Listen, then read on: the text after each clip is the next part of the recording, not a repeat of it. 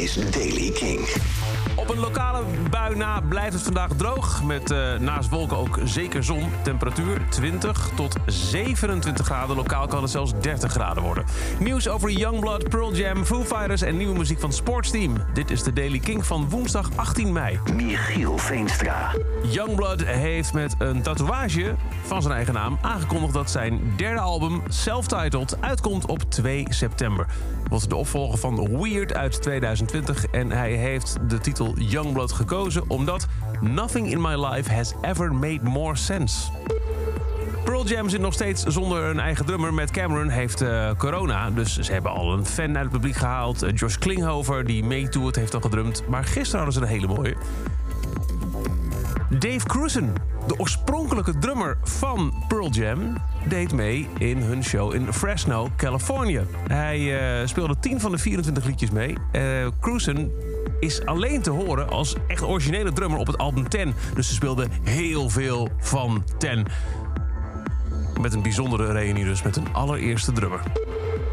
Over drummers gesproken. Taylor Hawkins. Rolling Stone pakte gisteren uit met een immens lang artikel... over de laatste dagen van de in maart overleden drummer.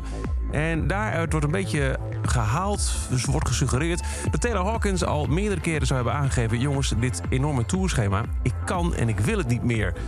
Foo Fighters en management zelf zouden daar niet op hebben gereageerd... en zij ontkennen nu dat de drummer dit heeft aangekaart... Nou ja, inmiddels is hij dus wel overleden. Um, er komen meerdere mensen aan het woord. Vrienden van uh, Taylor Hawkins, bevriende drummers zoals Chad Smith van The Peppers... en ook Matt Cameron van, nou daar is hij weer, Pearl Jam. Die heeft inmiddels op een statement op Instagram laten weten... dat zijn quotes volledig uit het verband zijn gerukt. Hij meende mee te helpen aan een artikel over het vieren van het leven van Taylor Hawkins... maar hij distancieert zich volledig van de toon die het artikel nu heeft gezet. En dan Sportsteam. Zij komen binnenkort met hun nieuwe album Gulp. Daarvan kende je al R Entertainment. En ze hebben een nieuwe single uit. Die ging gisteren in première bij Kink in Touch. Die heet The Game.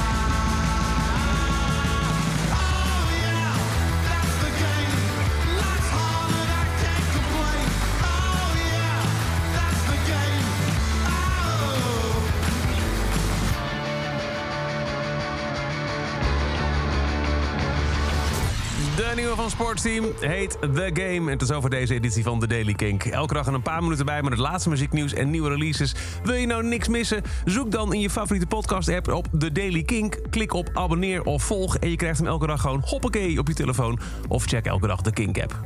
Of nog meer nieuwe muziek en muzieknieuws? Daarvoor luister je s'avonds om 7 uur naar de avondshow Kink in Touch. Elke dag het laatste muzieknieuws en de belangrijkste releases in de Daily Kink. Check hem op kink.nl of vraag om Daily Kink aan je smart speaker.